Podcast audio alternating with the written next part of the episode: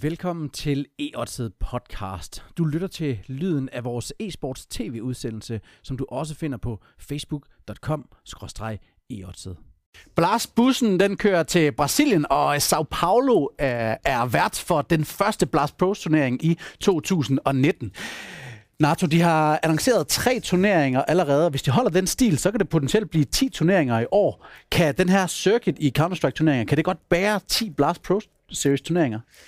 Altså nu er det jo ikke verdens længste øh, turnering. Mm. Øhm, hvis man sammenligner med sådan noget som ESL Pro League, øh, som jo kører hen over en lang sæson, og så ender i nogle finals, så de her Blast Pro Series, det er jo nogen, der bare øh, afholdes over en weekend. Jeg synes egentlig, der er fin plads til dem. Øh, de fylder, hvad skal man sige, lidt et segment, som der, øh, der ikke er andre turneringer, der gør. Det er mm. noget lidt fast-paced CS. Du finder hurtigt øh, de to finalister, og øh, ja, du ser nogle af de bedste hold spille, så jeg synes, det er et super godt, øh, altså det er en super vigtig brik i, i, i blandt alle de andre turneringer. Netop det der med, at den, den er måske lidt let slulig for de hold, der er med, fordi det er halvanden dag, kan man sige, øh, og kun en dag i arenaen. Er det sådan en turnering, hvor holdene måske foretrækker den her frem for de andre, der er lidt tunge, hvor du måske har rigtig, rigtig mange kampe og flere dage i arenaen? Altså, det tror jeg er svært at sige. Der er jo helt klart også noget prestige over at vinde en turnering, hvor du har spillet dig igennem et langt turneringsforløb. Mm. Øh, men jo, altså jeg vil da sige, helt generelt som hold, det, det er da også fedt øh, at deltage i de her Blast Pro Series, fordi du bliver øh, udfordret af nogle af verdens bedste hold, ikke også? Men samtidig så er det også, fordi det er så kort en turnering, så ved du, at alle kommer til at høre om resultaterne, men det er måske ikke nødvendigvis alle, der kommer til at nærstudere hver kamp. Så øh, det, det er en god måde at få en masse publicity. Kommer det så til at gå godt, så kan du være helt sikker på, at det bliver skrevet overalt på nettet, og hvis det går dårligt, så bliver det hurtigt glemt. Ja. Øh, så det, det tror jeg egentlig også er en god pointe. Nu, øh, nu har de jo også øh, oppet lidt niveauet, så det ud til, hvis vi kigger på den første turnering, er super stærkt i forhold til nogle af de turneringer, vi så i 18, hvor der var nogle, nogle outsiders, Nib i en dårlig periode, Space Soldiers, men den her gang er det verdenstoppen. Tror du, det er noget, de holder hele vejen? Altså, jeg vil sige, i forhold til deres branding og hvor, hvor godt det, det virker, som om det kører for dem, så burde der ikke være nogen problemer i at tiltrække de bedste hold i hvert fald. Så det er jo et spørgsmål om, om de har lyst til at køre en for eksempel Istanbul, hvor de hiver Space Soldiers med som et lokalt hold, ikke også? Det ja. kan jeg også se noget pointe i.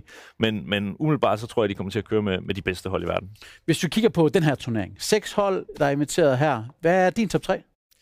Jamen altså, den er, den er svær. Altså, Astralis er en klar etter for mig. Jeg tror, MIBR, de kommer til at være i finalen som uh, Astralis. Mm. Og så treeren synes jeg er svær, fordi jeg har, jeg synes egentlig Liquid og FaZe, de er begge to ret dårlige lige nu. Jeg har ikke ret ja. meget fidus til dem.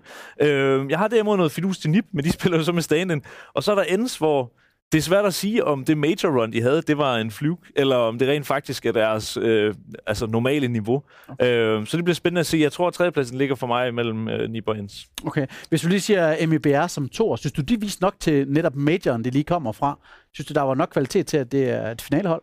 Det, øh, det synes jeg faktisk, ja. Jeg okay. synes faktisk, de var super gode, og altså, man kan jo ikke øh, tage noget fra Taco. Øh, han er godt nok blevet udskilt, men hold mm. fast, hvor spiller han smuk Counter-Strike, og han er bare en vigtig brik for, hvilket hold han, han ender på. Mm. Øh, han tager MIBR til de højder, de har været på før, og jeg, jeg tror måske, de er de eneste, jeg kan se, kan være en contender øh, til Astralis her i det næste stykke tid. Ja, og der, du siger, der er nogle andre spørgsmålstegn, og et, som du faktisk udleder, kunne være en potentiel øh, topplads var, var NIP, men de kommer også lige med en udskiftning. Hvad tror du, den udskiftning gør for dem?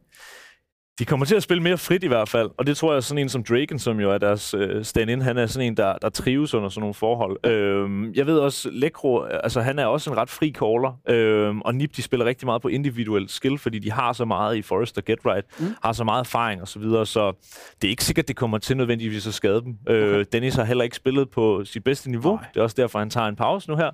Øh, så det giver dem det ekstra firepower, og det passer egentlig rigtig godt ind i deres spillestil, så det, det kan være, at det er et bedre nip, vi kommer til at se. Okay. Så allersidst lige hurtigt. Astralis i finalen Hvem tager den? Det behøver vi ikke svare Tusind tak for det, Nato. Ja, i lige måde.